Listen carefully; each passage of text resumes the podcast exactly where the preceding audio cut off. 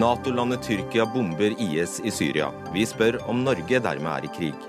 Barn dør i Syria av diaré fordi det ikke finnes vann. 700 flyktninger i Hellas sover på gulvet i en bygning full av glasskår. Vi spør hvor lenge vi skal stå og se på. En av de siste fluktrutene ut av Syria er i ferd med å stenges når Ungarn reiser et fire meter høyt piggtrådgjerde. Vi spør hvor menneskene skal gjøre av seg da. Hellas har hatt et anstrengt forhold til statsgjeld også tidligere i historien. Vi spør om ikke grekerne denne gangen hadde grunn til å tro de var med i en solidarisk union. Og Arbeiderpartiet har aldri vært opptatt av kunnskap i skolen, hevder Høyre. Vi spør hvem som har størst grunn til å gjøre hevd på begrepet kunnskapsskolen.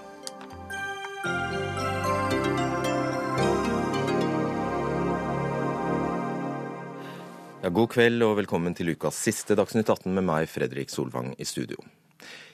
I natt angrep tre tyrkiske fly IS-mål i grensebyen Havar i Syria. Og dette er det første angrepet på IS fra Tyrkia. Og Samtidig har tyrkiske myndigheter arrestert vel 250 personer som de mistenker for å være IS-medlemmer eller militante kurdere. Marie Nordstrand, du er i Tyrkia for Sveriges Televisjon. Eh, hvordan er reaksjonene i Tyrkia på eh, angrepene i natt?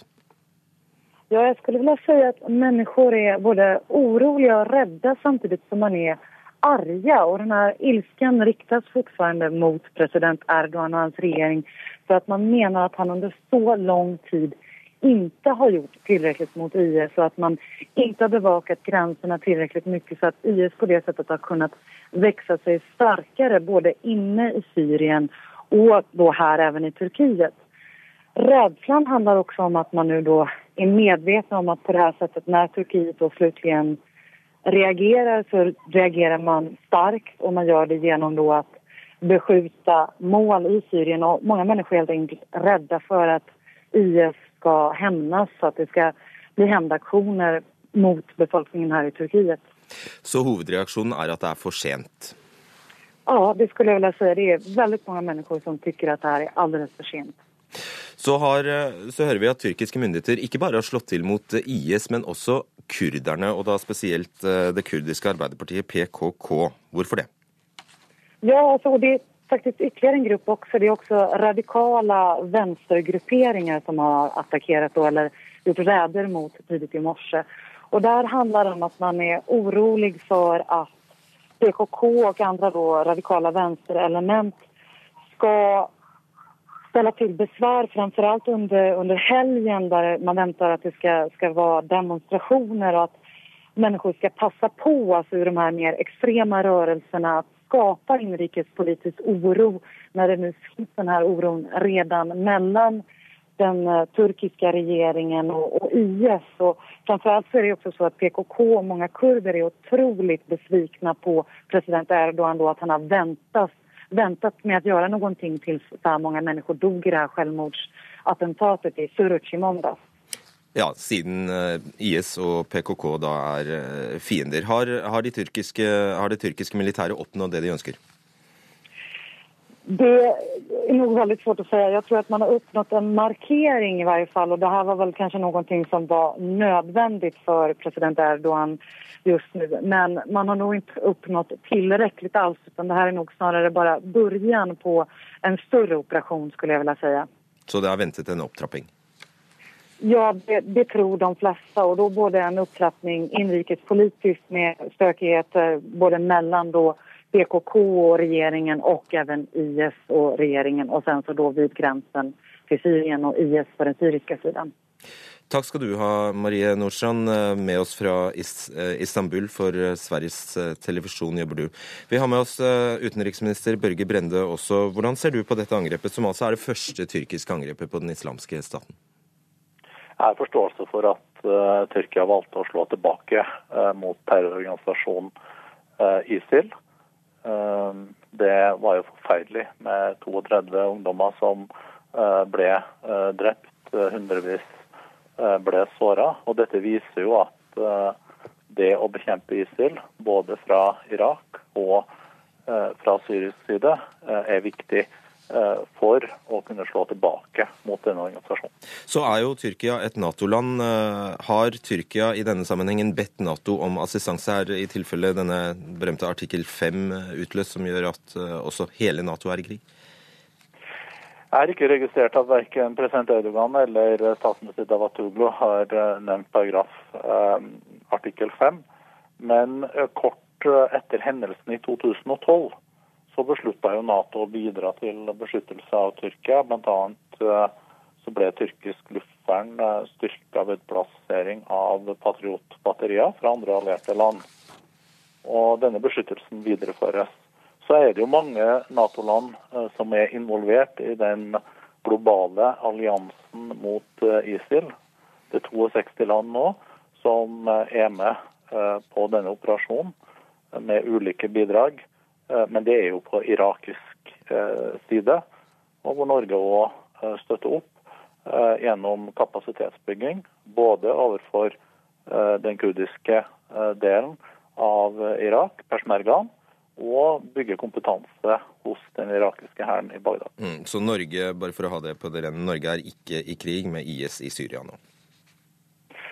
Dette er eh, ingen eh, Nato-operasjon. Det Norge er en del av, og som det har vært eh, bred enighet om, er at vi skal bidra gjennom den koalisjonen som er bygd, og som opererer gjennom kapasitetsbygging i Irak. Du blir med oss videre, Brende. Vi har med oss Camilla Nereid, dekan ved Høgskolen i Sør-Trøndelag og Tyrkia-ekspert. Hvorfor gjør Tyrkia dette? De gjør det jo som et eh, motsvar på det angrepet de selv eh, ble utsatt for, og også som en reaksjon på selvmordsaksjonen i Soruc. Gjennom det her så markerer de jo styrke overfor IS, og markerer også overfor verdenssamfunnet og den innenrikspolitiske opinionen at de ikke er IS støttespillere. For det har det jo vært en del tvil om. Eh, det er flere som har eh, anklaga regjeringen for å, for å være det. Eh, til tross for at tyrkiske myndigheter i flere år nå har drevet aktiv overvåkning av mulige IS-tilhengere i Tyrkia og har gjort en rekke arrestasjoner og tiltak også før. Eh, det er vel så mye som 450 personer som allerede som har blitt arrestert de siste seks månedene. Men det her er jo en eh, opptrapping og en eh, eskalering i og med at man tar i bruk militære virkemidler. Hvor taktisk vil du da si at dette angrepet er med tanke på de allierte i Nato? Eh, Forholdet til Nato har vært litt eh, kjøligere i de siste åra i Tyrkia. Det var veldig sterkt og positivt eh, under Kosovo-krigen på slutten av 90-tallet. Men etter hvert så har jo Tyrkia hatt en utenrikspolitisk linje som har vært ganske autonom. Man har inngått forhandlinger med Kina om å kjøpe forsvarsvåpen derfra. Man har på en måte prøvd å trekke seg litt ut av Nato-samarbeidet. Opinionen i Tyrkia har også snudd, ikke minst etter Nato-intervensjonen mot eh, Libya i 2011. Men gjennom denne handlingen, og ikke minst gjennom det at de nå åpner tyrkiske flybaser for eh, bemannede angrep fra, av eh, amerikanske styrker mot posisjoner i, i, Syria, viser jo at man nå forsterker ankerfestet til den vestlige alliansen Nato igjen. Og det har altså vært stemmer i Tyrkia som faktisk har gått inn for at landet skal gå ut av Nato. Brende, Tyrkias statsminister sier at landet vil intensivere samarbeid med de vestlige mm, allierte. Hva innebærer det? Blant annet så har jo nå Tyrkia åpna uh, sin uh, luftforsvarsbase i in, uh, Shirlik for amerikanske fly. Det er jo noe som amerikanerne har ønska lenger, slik at de kan angripe ISIL med utgangspunkt i Tyrkia. Det syns vel ikke Nato var for seint? Hva sa du? Akkurat det syns vel ikke verken USA eller Nato var for sent? Nei, det var, jeg sa at det var positivt at det nå kom på plass. Dette er jo et bilateralt eh, samarbeid mellom USA eh, og eh, Tyrkia, og ingen Nato-operasjon. Men eh, det hører jo med til dette bildet òg, eh, som har skapt selvsagt frustrasjon i Tyrkia, er jo at de føler at de har fått veldig eh, begrensa anerkjennelse for eh, det humanitære oppdraget de har påtatt seg. Og det er tross alt 1,8 millioner syriske flyktninger i Tyrkia. De har tatt de største økonomiske belastningene av dette, og de har jo tilgang til sosiale tjenester hvis de registrerer seg. Men jeg tror det vi nå står overfor, er et taktskifte fra Tyrkia sin side når det gjelder kampen mot uh, ISIL. Man ønsker å få skifta ut Assad så raskt som mulig i Damaskus, men ser at ISIL vekst er i ferd med å komme ut av kontroll, og støtter opp om både koalisjonen og ikke minst de av oss som har understreket at vi må gjøre mer for å bekjempe ISIL. Så da tolker jeg det dit hen at du støtter denne aksjonen? Altså Den tyrkiske um, operasjonen har jeg forståelse uh, for, ja. ja. Mm. Nereid, um, det er altså snakk om at 250 uh, personer er arrestert. Hvem er det? Ja, Det er jo personer mistenkt for å være eh, IS-støttespillere eller eh, medlemmer av PKK. Eh, som en eh, hevnaksjon mot eh, selvmordsangrepet i Soruc drepte jo PKK to unge tyrkiske politimenn i, i, sine hjem dagen etterpå. Og konflikten mellom PKK og tyrkiske myndigheter går jo mange tiår tilbake. Akkurat det er litt vanskelig å forstå. Kan du forklare hvordan det har seg at PKK da hevner en aksjon som IS skal ha stått bak? Altså PKK er jo en av IS sine hovedfiender i Syria. Men samtidig så er eh, jo, eh, så langt vi vet nå, identiteten til eh, han som sto bak selvmordsaksjonen i Tyrkia. En, han er en kurdisk tyrker. Og det det her viser, er jo at uh, det blir feil å oppfatte den kurdiske befolkningen som én homogen gruppe. Det fins uh, kurdere som setter etnisk nasjonalisme først, og som støtter PKK, som jo har som prosjekt å et, etablere et uavhengig Kurdistan basert på etnisk nasjonalisme, hvor man går sammen med kurdere i Irak og Syria. Sånn at eh, man kan se på det her hvis, eh, som et eh, forsøk på å stanse den pågående fredsprosessen som har vært initiert fra tyrkiske myndigheters side overfor kurderne i 2012. Og det er i hvert fall helt sikkert at det vil være et av resultatene av den eh, utviklingen som nå har eh, skjedd de siste dagene. Og hva blir resultatet av hvis dette blir en pågående militær operasjon mot IS? Hva blir resultatet? Ja, eh, Faren er jo at eh, konflikten i Syria skal, eh, få, skal, speiles i Tyrkia, og at de samme konfliktene og de samme virkemidlene tas i bruk i Tyrkia som, som det gjøres i Syria. Og så er det viktig å huske at IS ikke er den eneste aktive parten i Syria-konflikten, og ikke tape av syne at det er Assad-regimet som er utgangspunktet for borgerkrigen som herjer i Syria. Og da til slutt, Brende, hvordan kan dette påvirke maktbalansen i området? Dette eh, bidrar til eh, å eh, eller viser egentlig hvor komplisert bildet er. På kort sikt så kan du si at Assad indirekte ikke blir svekka så raskt som man i utgangspunktet hadde trodd. Fordi Tyrkia òg nå setter mer inn på å bekjempe ISIL. Så eh, tror jeg nok at den operasjonen fra Tyrkia sin side, at man nå bidrar med å bekjempe ISIL, kan og igjen eh, føre med seg et noe bedra forhold til iallfall deler av den kurdiske befolkning.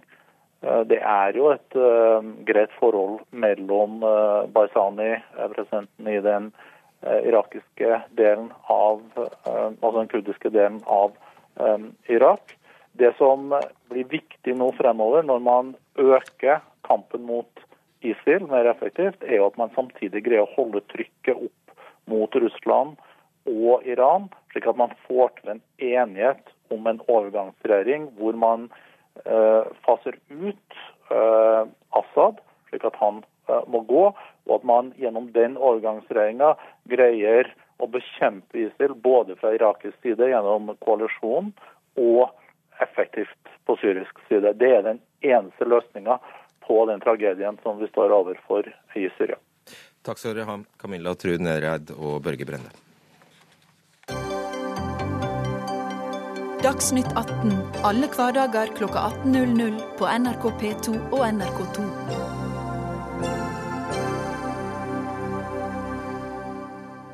Ja, Mens Tyrkia kjemper for å holde IS på den syriske siden av grensen, vokser antallet sivile flyktninger fra bl.a. Syria på små greske øyer.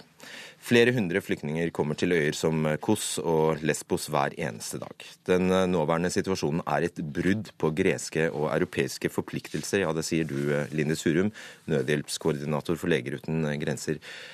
Kan du forklare oss hvordan ståa er på de greske øyene akkurat nå?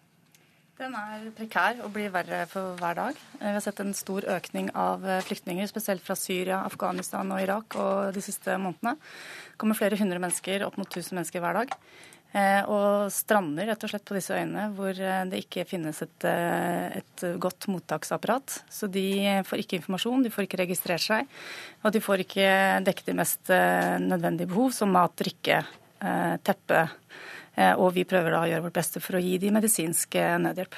Og da har du faktisk beskrevet at uh, mennesker blir overlatt til seg selv i åpne søppeldynger, at de ligger i at de blir stuet inn i bygninger fulle av glasskår osv. Det høres jo helt forferdelig ut. Ja, det er, det er, helt forferdelig. Det er helt uverdig. Det er viktig å huske på at det er eh, fullstendig lovlig og ikke minst en rett å, å flykte og søke om asyl. Og det har da en del, eh, en del, eh, Altså, vi kan ikke møte disse menneskene på den måten her. Blant annet en historie som ble fortalt til, våre, til mine kollegaer der nede. En lærerinne på 28 år fra, som flykta fra Aleppo med sitt barn på fire år, sin mann som var regnskapsfører og som nå i dag sitter da sammen med 700 mennesker i et, eh, en bygning som kanskje passer for 200, uten tilgang på toalett, vann, mat, eh, noen ting. Det er fullstendig menneskelig og uverdige forhold. Danske charterturister som reiser på ferie til Kos og Lesbos, eh, kan jo ta med seg 20 kilo ekstra bagasje med ting disse flyktningene trenger. Er det noe dere vil oppfordre til? Ja, det er prisverdig at, at mennesker ser at, det, at det, behovet finnes og at de har lyst til å hjelpe, for all del. Men det er jo ikke det som er løsningen på, på dette problemet. Det er at EU og europeiske land, som også Norge, og ikke minst FNs høykommissær for flyktninger må på banen og hjelpe disse menneskene. Det er ikke fordi det er i et europeisk land at disse flyktningene ikke trenger assistanse utover det Hellas kan gi. For som vi vet, så er Hellas i en svært vanskelig økonomisk situasjon og greier ikke dette på egen hånd. Er det derfor? Eller er det også det at det finnes en tanke om at hvis eh, de har det kummerlig, så kommer det ikke flere? Det kan være en av grunnene. Eh, jeg, jeg, håper ikke det. Vi må se at dette er mennesker som har kommet, eh, som har flykta fra krig, og som, som, har, uansett hvilken grunn de har for å komme hit, har rett til å være her. De har rett til å søke om asyl, og vi må gi dem de helt altså, grunnleggende menneskelige behov som de har. Også verdighet er vi i Leger uten grenser opptatt av. Bare kort, Hvor grelt er det? Altså, det, det vi hører altså at disse flyktningene ankommer øyer som Kos og Lesbos. Det er jo kjente feriedestinasjoner. Opplever norske sydenturister disse, disse flyktningene? Det er sterke kontraster. Jeg tror at det er eh, Jeg har ikke vært på KOS selv, men eh, det er jo kort avstand mellom da eh, mennesker som bor i ytterste nød, og mennesker som er på ferie. Og det sier jo, er jo egentlig et ganske godt og sterkt bilde på, på forskjellene i verden i dag, og som jo er en av grunnene til at disse menneskene setter seg i båten og kommer hit fordi de satser på å være trygge her. Men kanskje er eh, de syriske flyktningene som har kommet seg til de greske øyene, blant de heldige, faktisk. For i Syrias største by, Aleppo, er situasjonen minst like ille. Merete Ager Bakk-Jensen, eh, du er kommunikasjonsdirektør for Unicef. Eh, og dere melder at over 40% av de barna som dere er i kontakt med i Aleppo, nå sliter med diaré fordi de ikke får rent drikkevann. Og som vi vet, så dør man av diaré. I 40 grader i hvert fall.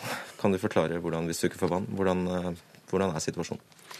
Nei, det er som du sier at uh, diaré er en av de største barnedreperne i verden. Uh, I tillegg så har man sett uh, tilfeller både av hepatitt og tyfus, og heldigvis ennå ikke andre vannbårne sykdommer, men risikoen øker jo når man ikke har tilgang til rent vann. Vann er så grunnleggende. Eh, ikke får man laget ordentlig mat, og har man diaré, så klarer man ikke å ta til seg næring. Og dette er barn som faktisk har vært i krig da, i over fire år, og som da fra før av er veldig sårbare og slitne. Og det skal da veldig lite til. Og også i samfunn hvor man bor så tett som man gjør i Aleppo nå, så er jo selvfølgelig risikoen for spredning eh, veldig høy. Og Da er det altså krigshandlingene i Aleppo som har ført til Og der, der har det også kommet rapporter om at de krigførende partene faktisk bevisst har stengt av vanntilførselen. Og det er et brudd på folkeretten? Det er absolutt et brudd på folkeretten eh, når det skjer. Det har vært utslag både på vannforsyning, altså som følge av bombing og kamphandlinger, og også at strømmen blir borte, som jo er også nødvendig for å få vannforsyningen til å fungere. Så nå jobbes det for fullt med alternative løsninger. Akkurat nå fungerer vannsystemene, men man vet aldri hvor lenge det varer. Det kan i morgen være over med en ny kamphandling, eller at strømmen går igjen. og da Eh, da er eh, krisen like. Og vi tror nå at det er ca. en halv million mennesker som eh, har akutt mangel på vann. Så melder dere på deres nettsider at mange syriske barn nå må ty til barnearbeid. Hvorfor det? Ja, dessverre. I den type situasjoner, kriger og konflikter, så er det en høy risiko. Også her skjer det, dessverre. Barnearbeid. Noen blir rekruttert som barnesoldater. Familier er desperate. Eh, man har ikke mat, man har ikke vann. Og da er det veldig lett at eh, barn blir utnyttet, eh, enten det nå er til arbeid eller som soldater. Og det, Sånn skal jo ikke det være. Det er et brudd på barns grunnleggende menneskerettigheter. Barn skal få være barn. De skal beskyttes, de skal få utdanning. Og de skal få nok mat og klær og vann. Så snakket vi om Tyrkia og den eskalerende situasjonen der i sted. Og du har vært på besøk i flyktningleirer i Tyrkia. Hvordan har barna det der? Barna som er der, har det jo for så vidt eh, veldig bra. Altså den forstand at de har tilgang på skole. De har eh, tilgang på såkalte child-friendly spaces, hvor de får lov til å være barn og drive med aktiviteter og også kan få eh, psykososial bistand. Og det er det jo dessverre mange av dem som trenger. De har mye med seg i bagasjen. De har ofte hatt en dramatisk flukt bak seg. Men likevel er det så fint å se at de er som barn overalt ellers. De har eh, drømmer og ønsker, og de vil bli lærere og de vil bli leger. og de vil gjøre eh, de fleste av dem vil rett og slett gjøre ting som eh, kan hjelpe samfunnet deres videre når den tid kommer. Er det noe vi kan gjøre? Det er masse vi kan gjøre, og vi gjør for så vidt ikke nok. Det er selvfølgelig ikke nok når ikke situasjonen er bedre. Men det aller viktigste er faktisk å kunne bidra med mer ressurser. Vi kunne gjort så mye mer, bl.a. på vannsiden nå i Aleppo og Syria generelt, men det er eh, underfinansiert, eh, dessverre. Eh, både i Syria og i nabolandene hvor det er flyktninger. Vi sier takk til deg, Merete Hagebakk Jensen, og du blir sittende, Linde Surum, og vi skal holde oss til tematikken. For 25 år etter Berlinmurens fall bygges det nå en mur en ny mur i Europa. Myndighetene i Ungarn har bestemt seg for å sette opp et fire meter høyt piggtrådgjerde langs den 175 km lange grensa mot Serbia. Og Grunnen skal være å stoppe de 150 000 flyktningene, bl.a. fra Syria, som Ungarn forventer skal komme i 2015, og dette skaper sterke reaksjoner i Europa. Simen Ekern, du er forfatter og journalist. Hva er grunnen til at Ungarn reagerer så drastisk? Det er vel to grunner til det. og Den ene er eh, som du er inne på, at det har vært en ganske markant økning av mennesker som har tatt denne ruten inn i Europa. altså Via Hellas, Makedonia, Serbia og inn i EU eh, gjennom Ungarn. Eh, mange flere som, som eh, har kommet hit i år enn en tilsvarende tall for eh, fjoråret. Og da er jo tallene voldsomme? Ja, det er klart. altså 61 000 fram til juni, og allerede vel oppe i 70 000-80 000. Så vi, vi, snakker jo om eh, tall som, som, tangerer tallene på, på, menneskene som kommer til Italia fra, eh, fra Libya. Den andre grunnen selvfølgelig til at denne eh, saken er blitt eh, foreslått løst på den måten som statsminister Viktor Urban eh, nå har gjort, henger jo også sammen med eh, at uh, Orban selv har hatt uh, en, en nokså in, intens, aggressiv, nasjonalromantisk politikk kan vi si, de siste årene. Hvis man leser Orbans taler fra de siste årene, altså fra lenge før denne ruten med flyktninger ble, ble viktig, så, så, handler veldig mye av hans retorikk om at Ungarn må for, forsvare seg mot forskjellige ytre fiender. Hittil har det ofte vært EU eller utenlandske banker, eller i noen grad romfolk, selv om ytre høyrepartiet Jobbik i Ungarn har tatt seg mer av, den, av det fiendebildet. Men vi ser altså en innenrikspolitisk grunn da, som, som, som, også handler om at, at statsministeren eh, ser at dette kommer til å bli en sak, eh, og han eh, er i tråd med sin tidligere politikk opptatt av å vise at han er den aller mest handlekraftige, den aller sterkeste og tryggeste politikeren i Ungarn eh, som kan løse mm. dette problemet, allerede før mange ungarere ser på det som et eh, problem, tror jeg vi kan si. Og da er det kanskje sånn Terje Svabe, frilansjournalist, at det er lett for oss å sitte her og kritisere Ungarn for å sette opp eh, et gjerde mot Serbia når det er snakk om så store menneskemengder? Ja, jeg tror i alle fall det er grunn til å sette den norske innsatsen inn i et europeisk og internasjonalt perspektiv. Uh, altså, vi, vi, har da et stort politisk flertall i Norge som da har kommet fram til at vi skal ta, ta imot 8000 syriske flyktninger i løpet av en treårsperiode.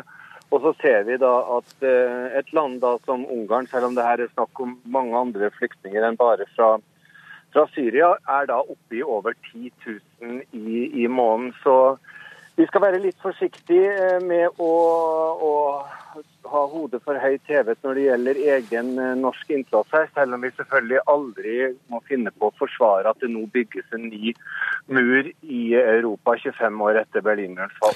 Du skriver i en kronikk i dagens Aftenposten at de tradisjonelle partiene i Europa nå framstår som nær handlingslammet. Hva mener ja. du med det? Jo, dette ser vi i land etter land i, i, i Europa. Vi ser det, altså vi ser det i, i, Ungarn også. Eken var så vidt innom eh, Jobbik, altså dette ytterliggående partiet som nå, som nå vant eh, ganske det var vel i april et suppleringsvalg og tok det setet fra, fra regjeringspartiet. Vi ser det i nabolandet Østerrike, hvor høyrepopulistene nå altså det såkalte, eller det heter Frihetspartiet, vokser og er i ferd med å bli landets eh, største parti. Og det som, og det kunne ha nevnt flere andre land, og det som skjer er at disse høyrepopulistiske partiene, selv om de kan være eh, litt forskjellige fra land til land, de blir dagsordensettende fordi at det i opinionen er motstand mot å ta imot så mange flyktninger så lenge de ansvarlige partiene ikke har en klar politikk for hvordan de skal integreres. Og Det er her den store, store utfordringen ligger, nemlig manglende planer for å få integrert de flyktningene som kommer. Og Dermed så blir høyrepopulistene, de innvandringsfiendtlige partiene, blir dagsordensettende. Men denne situasjonen Hurum, er jo prekær det, for dem det gjelder. Eh, og dette, Denne ruta som altså går via Serbia og inn i Ungarn, er en av de aller siste åpne. Ja, absolutt. Det er, det er, veldig veldig vanskelig for de menneskene som har kommet seg da over, overlevd sjøveien og gått eh, kanskje i mange dager. Eh, kommer fram hit eh, og opplever å bli jagd. Eh, det blir skutt i lufta. Vi har pasienter som kommer med blåmerker og tydelig tegn på at det er utøvd vold, og de forteller at det er gjort av tjenestemenn. Så vi har mobile klinikker langs med hele ruta der nå og prøver å øke vår kapasitet. Så det er klart det er et stort, komplekst problem, men løsningen er jo ikke å jage mennesker som allerede er på flukt fra krig. Og bare kort, Hvis det da settes opp et eh, fire meter høyt uh, gjerde, uh, og den adgangen stenges, hvor, hvor skal det gjøre av seg? Det er et veldig godt spørsmål. Eh, disse menneskene blir jo ikke borte selv om det, man bygger en mur. Det er jo en slags sånn strutsetaktikk. Så, så de, de, kommer til å finne andre veier, andre, eller, eller, eller bli værende ute i skogen. Vi ser at de gjemmer seg. Um, det er, en totalt uakseptabelt og uverdig måte å behandle mennesker som flykter eh, fra krig. Ekern, du kaller eh, dette gjerdet eller muren eh, for en symbolsk, for en, altså en symbolsk løsning, men vil det faktisk kunne stenge, stenge migrasjonen nordover i Europa? Nei, det, det, det tror jeg jo ikke, fordi vi har sett tilsvarende effekter av andre murer som jo er reist i Europa, i, i, i Hellas eh, f.eks. Når det finnes en mur, så finner folk en annen vei rundt, eller eh, så, så hjelper den liksom, enda vanskeligere situasjonen, gjør også sitt til at menneskesmugling blir mer lukrativt. Eh, folk må bruke flere penger og inn, komme inn i, i, kriminelle situasjoner for å, for å, komme inn. Og for Europa som helhet så løser jo ingenting selvfølgelig. altså eh, hvor, hvor skal de dra? Skal de, skal de være i en slags sånn eh, limbo i, i, Makedonia eller eh, Serbia, så lenge verken Hellas eller, eller Ungarn vil ha dem? altså Da er det to, to, land utenfor EU, men i Europa som liksom skal, skal ta, ta, ta, ansvar for alle disse menneskene. Den planen som, som EU diskuterte nå mandag denne uka, der man skulle fordele flyktninger rundt omkring i de europeiske landene, er jo Ja, Det er jo veien å gå. Det er jo bl.a. Ungarns eh, fortjeneste at man ikke nådde det tallet man hadde håpet på. Selv om eh, flere land, også i Vest-Europa, eh, har et ansvar der, så tenker jeg at det er nettopp, dette er jo nettopp en sak der man ser et felles europeisk problem som trenger felles europeiske løsninger. Og jeg tror de aller fleste av disse nasjonale løsningene som å sette opp en mur her og der og fortelle sine velgere at nå har jeg løst problemet, de fungerer bare symbolsk. De fungerer ikke i praksis. og Det må jo både Europas politikere og velgere eh, forholde seg til. Og Da var det altså slik at EU eh, forsøkte å fordele 40 000 flyktninger, men bare greide 32 000. Har, jeg har et knippet sitater her fra ulike, fra ulike statsråder eller ministre i Europa. Eh, sosialministeren i Estland sier ting som at når alt kommer til alt, så er vi et land som hører til den kristne kulturen. Slovakias statsminister sier at kristne vil vekke mindre motforestillinger i lokalbefolkningen. Og Tsjekkias president sier at flyktninger fra en helt annen kulturell bakgrunn ikke vil være i god stilling i Tsjekkia. Eh, Svabø, hva er det som skjer? Nei, dette er, dette er tafatthet. Dette er feighet. Dette er ikke politikere grunn til å være stolt uh, over. Det er folk som, uh, som løper bak folkeopinionen istedenfor å være rakrygget og fortelle hvilket ansvar vi nå har for medmennesker som er på flukt. Og, og, og jeg, jeg, tror at, uh, at det eneste som kan endre situasjonen her, det er at eh, landene i EU kommer sammen på nytt og, og manner seg opp og følger de og tar mer og følger opp de forslagene som er kommet fra Juncker, altså fra EU-kommisjonen, om et større felles innsats. Jeg tror det er den eneste løsningen. og uten å skape noe, eller forsøke å starte noen ny EU-debatt i, i, i, i, Norge eller i andre land, så tror jeg jeg blir skremt av tanke på hvis vi ikke hadde hatt et overnasjonalt organ som EU i Europa i dag, som kunne legge press på de enkelte regjeringene. Okay. Da fikk du sagt det. Takk skal dere ha, Terje Svabø, Simen Ekern og ikke minst Lindis Hurum.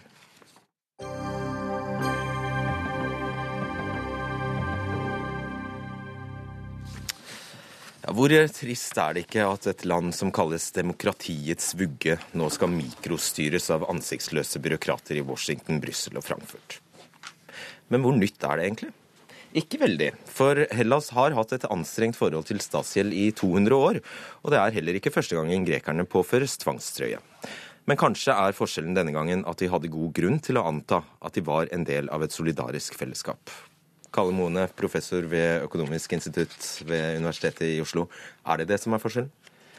Jeg vet ikke helt, jeg vet ikke hvor klokt det er å ta noe land under administrasjon, slik det er foreslått til dels eh, i noen av de siste forslagene fra EU. Eh, jeg tror også de forslagene er litt inspirert av sammenslåingen av, eh, av Tyskland. Øst- og Vest-Tyskland. og og da skulle jo store deler av Øst-Tyskland privatiseres. Og Noe av det samme tenker en seg kanskje i forbindelse med, med Hellas nå. At en, en, lager en lignende institusjon eh, som eh, eh, ligna på den institusjonen de bygget opp i, i, i, i Tyskland i 1990, som ikke var noen stor suksess. Men forholdet er et helt annet. Dette var et land som skulle slå seg sammen, og da er det kanskje lettere å få det til internt i et land.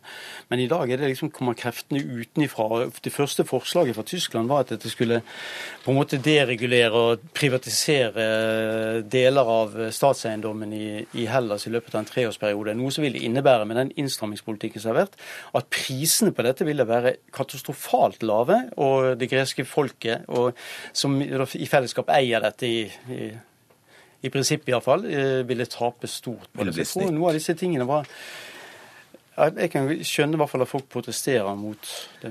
Og det du snakker om, er altså den såkalte, såkalte Troyhant-modellen ja, som ble anvendt ja.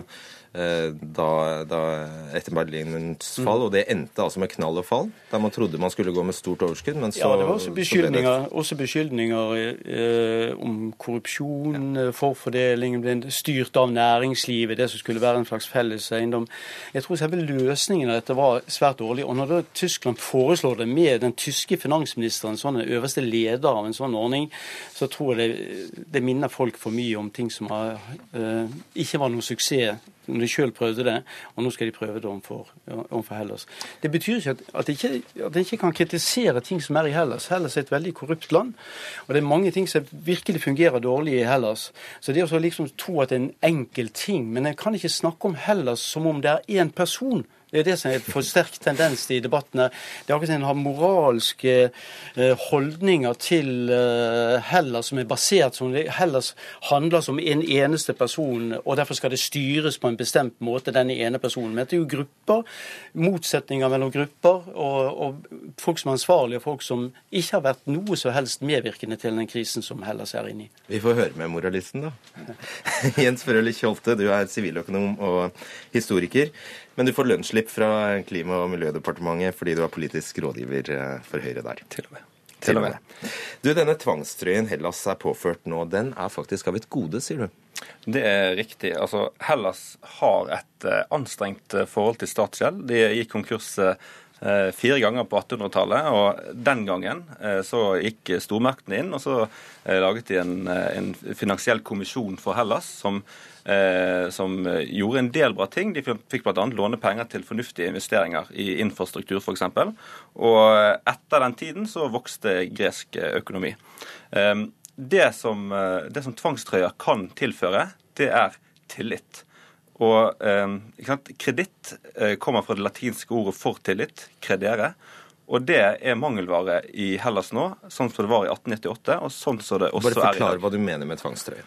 Tvangstrøye er eh, selvpålagte eller pålagte eh, handlingsregler, styringsregler for den økonomiske politikken. Eller generelt, du kan si at den, den norske handlingsregelen er en slags tvangstrøye som er selvpålagt. Det er liksom klare regler for hvordan vi skal eh, drive med finanspolitikk i Norge. Og EU-landene, eller Eurogruppen sitt forslag nå er jo en form for eh, tvangstrøye, altså klare retningslinjer for eh, den økonomiske politikken, som gjør at, eh, at Hellas får eh, troverdighet på lang sikt. Og det er klart at eh, eh, En del av forslagene som Eurogruppen har kommet med, eh, de er jo veldig gode. F.eks. For forslag om momsreform, som er en bra type skatt, som er nødvendig å ha, ha på plass og ha liksom et harmonisert system for moms.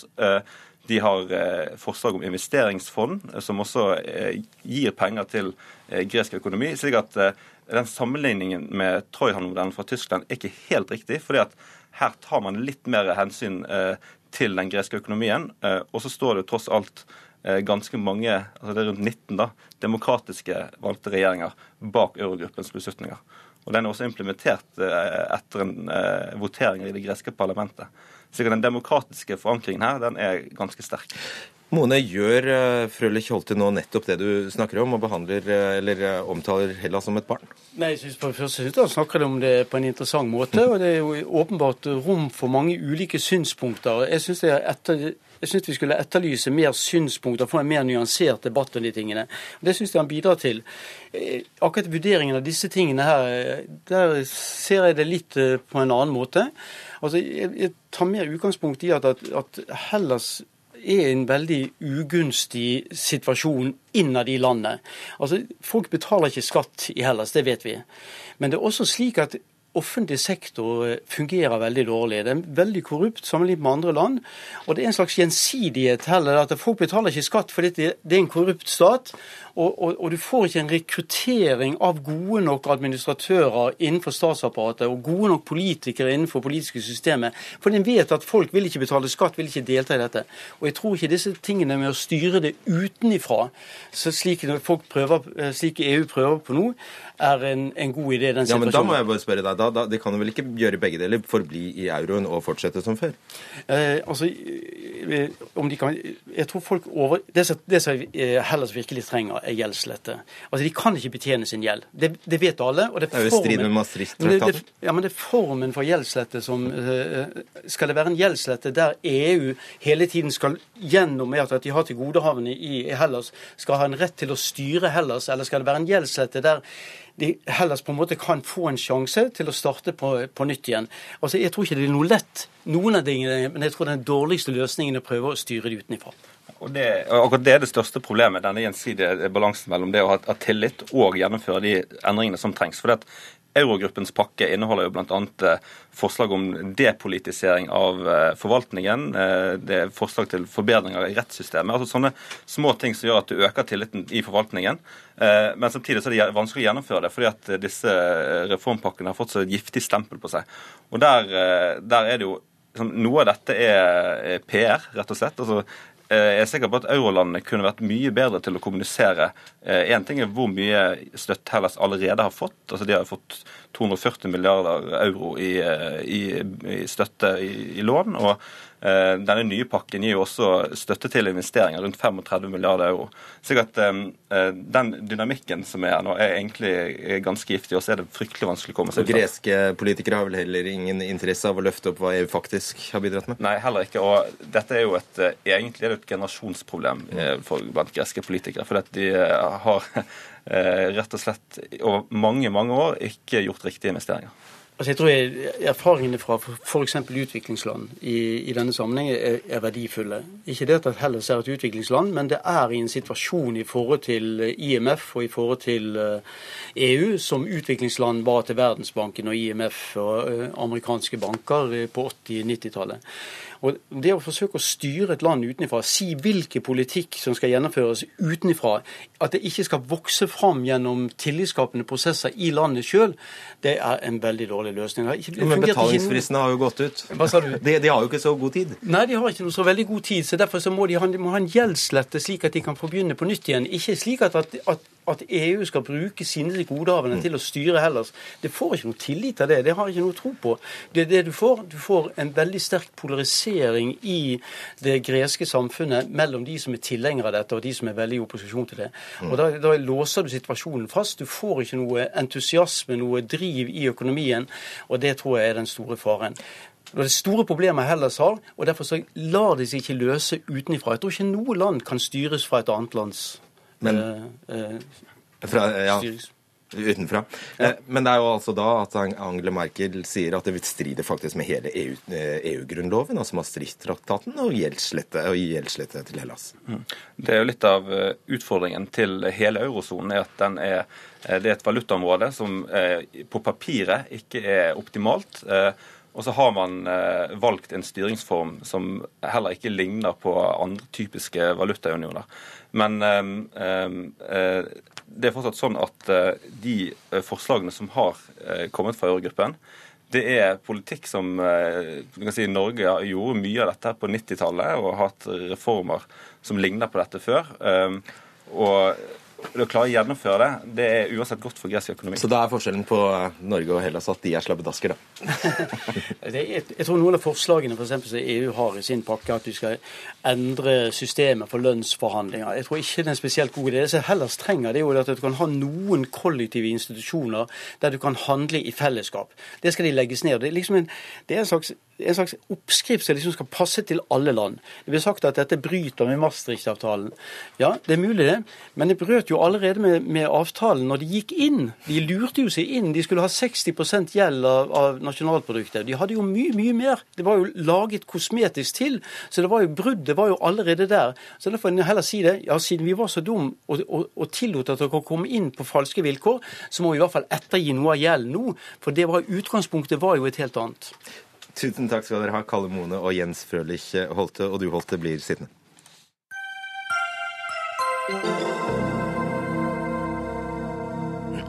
For som sagt er du altså politisk rådgiver i Klima- og miljødepartementet, og vi skal nå snakke om at arbeidet for å bli enige på klimatoppmøtet i Paris i desember allerede er i gang. Denne uka har nemlig din sjef, Tine Sundtoft, deltatt på tre forskjellige møter bl.a. med de landene som slipper ut mest klimagasser. Og nå håper eh, dere i regjeringen at verden skal få til en bindende avtale om å få ned klimagassutslippene. Ja, ikke bare er du god på gresk politikk, du kan formodentlig noe om dette også. Og hva er det dere har gjort denne uka? Jeg kan nesten si at klimapolitikk er enklere enn gresk politikk. Men uh, det som har skjedd denne uken, er at uh, vi har deltatt på en rekke møter i Paris og i Luxembourg. Det første møtet med de store utslippslandene det er noe som heter Major Economies Forum. og Det er et, et forum hvor de 20 største utslippslandene er med. Der har Norge blitt invitert med som observatør. Ikke fordi vi har store utslipp, men fordi vi har gode forslag og spiller en rolle som brobygger. i Da snakker vi nettoutslippsnasjoner. Altså de som vi, slipper ut faktisk mest. Absolutt mest. Ja. Og Der er USA, der er Kina, der er India. Store, store land. Og så har vi også deltatt i Paris, eh, et møte som Frankrike er kalt inn. Det er de som leder prosessen nå frem mot det store møtet i Paris, hvor vi skal bli enige om en avtale. Og så virker det som det har skjedd noe med sinnsstemningen til eh, Tine Sundtoft i løpet av uka. Hun er, avslutter uka som ganske oppløftet. Ja. Det ble en flott, eh, flott fredag. Det som har skjedd, er at landene blir mer og mer klare på hvilken retning vi vil gå. Altså, Stemningen er blitt mer ærlig. Vi klarer liksom å, å å skille det som vi eh, vet at vi ikke kan bli enige om, og det som vi prøver å lande kompromisser. og Det rykker stadig nærmere. og Det gjør at man blir mer optimistisk. Og da når vi vel togradersmålet, Tale Ellingsvåg, du er fagsjef for klima i Natur og Ungdom? Ja, Om vi når togradersmålet, det er jo ikke noe mål å nå noe togradersmål. Vi vil jo heller ligge langt eh, under det målet, og det er jo et politisk eh, vedtatt mål og ikke et vitenskapelighet. Så det finnes jo ting der òg, men vi får nå håpe vi kommer så langt unna det som mulig. Er du like oppløftet som Tine Sundtoft? Eh, både ja og nei. Altså, det er fint at man faktisk klarer å snakke sammen. Det er en forskjell fra tidligere år, eh, forrige runder. Eh, samtidig som at jeg tror nok ikke at dette her blir en avtale sivilsamfunnet vil være fornøyd med. Hvorfor ikke? Nei, den avtalen den, den kutter ikke så mye som forskerne sier at vi må kutte. Den kutter ikke så mye som verden trenger, dessverre. Den ser ikke ut til å gjøre det, i hvert fall. Um, og da må man begynne å tenke i nye baner. Man må tenke at dette her er et, um, et utgangspunkt. Denne avtalen kan bli et, et gulv for um, videre tiltak hjemme uh, i respektive land. Uh, jeg håper det er en stemning man tar med seg. og da vil man også unngå uh, det som skjedde i København i 2009. At det ble en sånn antiklimaks etter klimaforhandlingene. Um, mm. For er det nå noen som tror på en juridisk bindende avtale? Nei, først kan vi si at eh, det er egentlig Med de målene som er lagt frem nå, så er det lite sannsynlig at vi klarer å nå togradersmålet akkurat i denne omgangen her. Um, store land som USA og Kina har kommet med sine mål. Men uh, dette er, poenget med avtalen nå er at det blir, et, uh, det blir nok en, en, juridisk bindende avtale uh, som er et rammeverk for klimasamarbeid i årene fremover. Så vil målene i avtalen sannsynligvis ikke blir bindende i den omgang. Det er det vi, vi tror da. Men eh, det er hele forskjellen på den avtalen vi har i dag, som heter Kyoto-avtalen. Der er målene bindende. Den omfatter bare 10% av verdens utslipp. Målet med Parisavtalen er at den skal omfatte alle verdens utslipp. Men da, ikke være bindende? Men Målene skal ikke være bindende, mm. men målene må følges opp da, liksom, i en, eh, gjerne f.eks. av FN, med en, i en prosess hvor man eh, sørger for at de landene som har meldt inn målene, faktisk gjør noe for å følge opp. Og det syns du er greit? Det syns vi er veldig bra. Det syns du det er greit? Altså En opptrappingsprosess hvor man kan eh, komme med mer etter hvert, eh, det må denne avtalen her ha. Eh, det som er problemet, er at den ikke nettopp legger et ansvar for å måtte kutte så mye som verden trenger. Eh, hvis vi fortsetter på ambisjonsnivået vi er i dag, så vil vi kunne lande på en rundt 3,6 grader. Det vil bety utrolig store katastrofer som tørke i USA, som havnivåstigning i Bangladesh, som tap av drikkevann som følge av smelting av isbreer mange millioner på flukt. Kan, man kan jo ikke si at en avtale som legger opp til at det kan være eh, en følge, er god nok. Det kan man ikke. Men en avtale som omfatter 10% av verdens utslipp, er jo heller ikke god nok for å nå togradersmålet. Slik at, nei, nemlig, slik at eh, Det som vi eh, og Norge jobber for nå veldig sterkt, er å få ett globalt klimamål inn i den nye avtalen. Og det målet vi ønsker, er at det skal være null netto utslipp i 2050. Altså Hvis du regner med naturens opptak av karbon, så skal det være netto null utslipp i 2050. Og Det er et forslag som får stadig mer eh, støtte. Eh, Bl.a. på de møtene nå så uttalte USA seg positive til å ha et langsiktig mål. Og EU også veldig for det. Så det går i riktig retning. Ja, og Det er bra. Der har dere gjort en, en, en god jobb.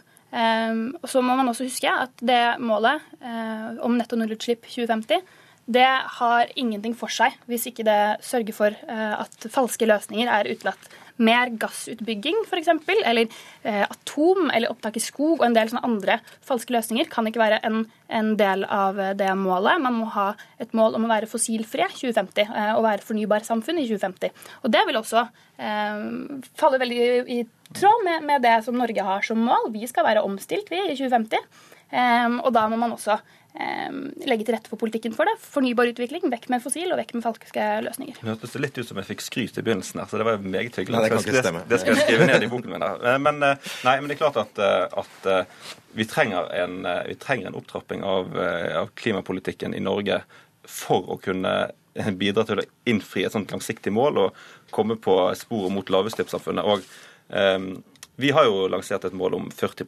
eh, kutt, som vi skal gjennomføre sammen med EU. og Det, det er et veldig ambisiøst mål, som eh, ligger i tråd med FNs klimapanel sine anbefalinger, og blant de mest ambisiøse målene av de som er sendt inn til FN.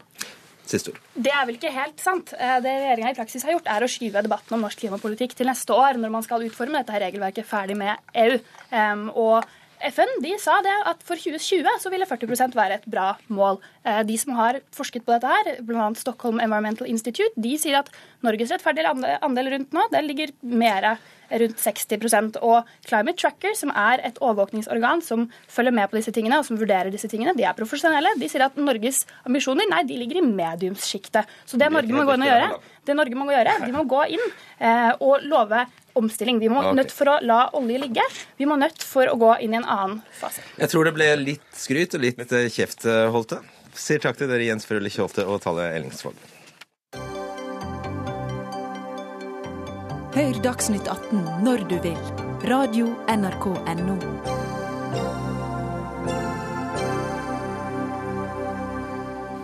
Arbeiderpartiet har ikke klart å bestemme seg for hva som skal være hovedformålet med skolen. De snakker om kunnskap som et felles prosjekt, men er mest interessert i å diskutere friskoler, leksehjelp og gratis aktivitetsskole. Ja, Det sier du, Mathilde Tybring-Gjedde, bystyrekandidat for Høyre i Oslo og leder av Unge Høyres skoleutvalg.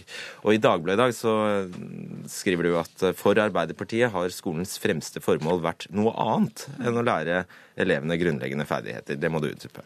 Ja, nei, Vi Unge Høyre har begynt å snakke om å utvikle en ny skolepolitikk. og da, I den sammenheng ble vi ganske interessert i å finne ut om hva som er grunnen til at Arbeiderpartiet i dag sliter med å fremme nye tiltak som faktisk vil gjøre at elever lærer mer. Og En av grunnene til det er nok den skolepolitiske historien til Arbeiderpartiet. De har nok i altfor lang tid vært veldig opptatt av at elever skal prestere likt, fremfor at elever skal prestere godt. Og det har vært en frykt for at karakterer, læringskrav, læringsmål og den typiske lærerrollen eh, skal gjøre at eh, elever konkurrerer mot hverandre. Og det er nok noe vi fortsatt ser i dagens eh, skolepolitikk.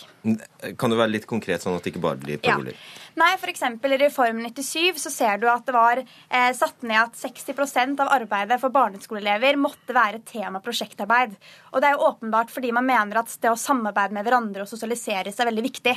Og det er absolutt viktige egenskaper, men jeg mener jo at det har gått på bekostning av det som Høyre har ment er viktigst, nemlig kunnskap i skolen. Trond Giske, nestleder i Arbeiderpartiet og leder av utdanningskomiteen på Stortinget. Takk, ta tak i det siste hun sier. For det første så syns jeg jo det er veldig hyggelig at uh, Høyre bruker en hel kronikk i Dagbladet på å skrive om Arbeiderpartiets skolepolitikk. Uh, vi har jo bare hatt uh, utdanningsministeren i 18 måneder de siste 18 årene.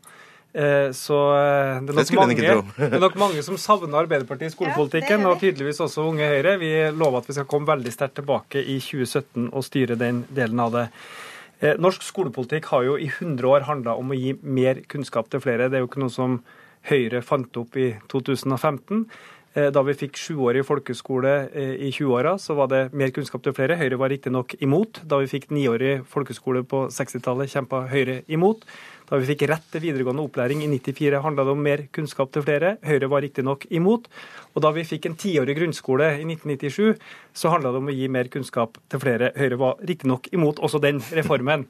Eh, jeg tror at eh, skoledebatten blir bedre hvis vi anerkjenner at alle partier på Stortinget, fra Frp til SV, ønsker seg mer kunnskap i skolen. Vi er bare litt uenige om hvordan det best gjøres. Eh, og Der skiller vi nok lag. og En av de tingene vi skiller mest lag på, er jo at vi tror at kvalitet i skolen koster penger. Eh, at en stram kommuneøkonomi hvor sju av ti skoleledere sier at de må si opp eh, lærere, ikke er veien til en god skole. Vi må rett og slett sette skole foran jeg- skattekutt og jeg bruke jeg pengene på det synes Det er en sånn eksempel sånn historieforfalskning fra Arbeiderpartiets side. Fordi ja, i dag så mener alle partiene at vi er for kunnskap i skolen. Men ser tilbake på de siste 15 årene og hva som skjedde i 2001, da vi fikk PISA-sjokket, da vi plutselig skjønte at den skolen vi hadde ikke var god nok, så var det Høyre som sto forrest for å prøve å fremme kunnskap både når det gjelder kartlegging, når det gjelder klare læringsmål, når det gjelder å satse på kvaliteten på undervisningen og lærerrollen. Og det er jo ikke noe som Arbeiderpartiet har vært frempå. Som du selv sier, Arbeiderpartiet har vært svært usynlig i denne debatten. Og da hadde jeg egentlig håpet, og når det først kommer opposisjon, at det ville fremme nå tiltak som ikke bare er å la SV sitte ved roret ved skolepolitikken, men faktisk komme med egne tiltak som fremmer læring. Og det har dere ikke gjort. De tiltakene som har kommet de siste årene, har vært skuffende mer opptatt av rammene rundt skolen og ikke innholdet i skolen. Da tror jeg du kan glede deg, for jeg sitter faktisk og skriver en bok om skolepolitikk som kommer nå i august. Eh, Der kommer vi til å fylle 450 sider med stoff om Arbeiderpartiets eh, visjoner for skolen, så den eh, kan du se fram til. Nå er jo også historiebeskrivelsen din litt feil. Jeg mener jo at Kunnskapsløftet er et godt eksempel på at vi faktisk samarbeider på tvers av partigrensene, som jeg tror er nødvendig for skolen. Eh, Det var jeg som i sin tid satte ned Søgnen-utvalget. Eh, Det var faktisk jeg også som innførte noen av de første kartleggingsprøvene som du skriver at eh, Arbeiderpartiet var mot. Så var det Clemet som fremma stortingsmeldinga om Kunnskapsløftet, og så var det faktisk SV da som styrte Kunnskapsdepartementet. Da ble gjennomført. Og jeg mener, bare si, Mitt poeng er at jeg mener at det er et veldig godt eksempel på at skolereformer tar så lang tid at vi burde jobbe mye mer med å få brei enighet om de tingene som virker. Og vi har foreslått i Stortinget, ennå ikke fått med oss Høyre, på at vi skulle få en forsterka tidlig innsats, på at vi skal få en norm for eh, lærertetthet, på at vi skal få en sterkere skolehelsetjeneste, på at vi skal styrke den tidlige innsatsen på lesing, skriving og regning, slik at alle barn tidlig i grunnskolen får disse ferdighetene med seg. Ja, Istedenfor at vi, Ja, det at vi pøser på med mer og mer det for det første utover i løpet. Søgnen-utvalget ble nedsatt, ja, under din periode, da etter at dere hadde tapt valget, og noen uker før du skulle gå av som minister. Da skulle dette utvalget handle om det 13-årige skoleløpet. Det skulle ikke handle om kvaliteten i skolen. Det første møtet var i, da, i februar 2002, og da hadde Kristin Clemet endret mandatet og sammensetningen. Så det er jo direkte feil at det var noe ønske fra din side om kvalitet og kunnskap i skolen. Det som derimot er ganske gjennomgående i den norske skolehistorien, er at på 90-tallet så var det Høyre i Oslo som fremmet forslag om å ha åpenhet om resultatene, kartlegging, klare læringsmål, og det var noe man ikke ønsket fordi man var redd for at man skulle ha noe oversikt over kvaliteten i norsk skole. Og det ser vi fortsatt i dag. Og de tiltakene du skisserer, f.eks. Eh, at vi skal ha mer tidlig innsats, det er veldig greit som Arbeiderpartiet har gjort, å fremme et forslag om lese-, skrive- og regnegaranti. Problemet er jo bare at man ikke er for de tiltakene som gjør at man kan garantere at barn lærer å lese, skrive og regne. Ja, altså jeg mener at Et av tiltakene for å få det til, er jo å få flere lærere i skolen. Da må kommunene ha råd til å ansette nok folk. og en av Og det har du forskningsmessig belegg for. Ja, vi har forskningsmessig belegg for at tid til hver enkelt elev er helt avgjørende for å kunne gi tilpasset undervisning. Eh, litt problem i debatten i dag er jo at Høyre i veldig stor grad ser ut til å synes at det største problemet i norsk skole er at lærerne mangler kunnskap. Eh, mitt inntrykk når jeg er ute og snakker med lærere og elever, er at det største mangelen er tid. Tid til å følge opp elevene, tid til å hjelpe dem som sliter, tid til å legge opp ordentlig undervisningsopplegg. Og at større lærertetthet vil bidra til det. Det er Høyre dypt uenig i, mener Ja, at det ikke er virker. Men er lærerne sjøl forteller jo oss det. At det er tida som ikke strekker til for å kunne hjelpe dette er- alle på en ordentlig måte. Da er det ett minutt igjen. Jeg synes dette er et eksempel på noe Arbeiderpartiet sliter med. Vi snakker vel ofte om rammene rundt skolen og ikke innholdet i skolen. Det er viktig med, med mange lærere, ja, men det er mye viktigere med bedre lærere. Det er viktig at vi har eksempel flere timer, men det er mye viktigere at man gjør noe med innholdet i de timene vi allerede har i skolen. Og den kvantiteten som eh, preger de forslagene Arbeiderpartiet kommer med nå det siste året, mener jeg ikke er godt for norsk skole eller, eller elevenes lærings... Det er et typisk eh, eksempel på å sette gode ting opp mot hverandre. Nei, i man for, Man trenger ikke å velge mellom mange lærere eller gode lærere. Istedenfor å eh, si at man enten skal ha eh, få dårlige eller mange gode, vil, eh, eh, unnskyld, ha mange alt, dårlige man eller få ingenting. gode, så ville jeg sagt at det er mye bedre at norsk skole har mange gode lærere som følger opp alle de tusen si at hvis elevene. man Men prioriterer alle vil alt, ha så en god prioriterer man skole. ingenting. Ja, Ja. takk skal dere ha. Mathilde Tybring-Gjedde og Trond Giske. Og det satte punktum for denne Dagsnytt 18-sendingen, som Ingebjørg Sæbu har hatt ansvaret for. I teknikken satt Erik Sandbråten, og i studio Fredrik Solvang.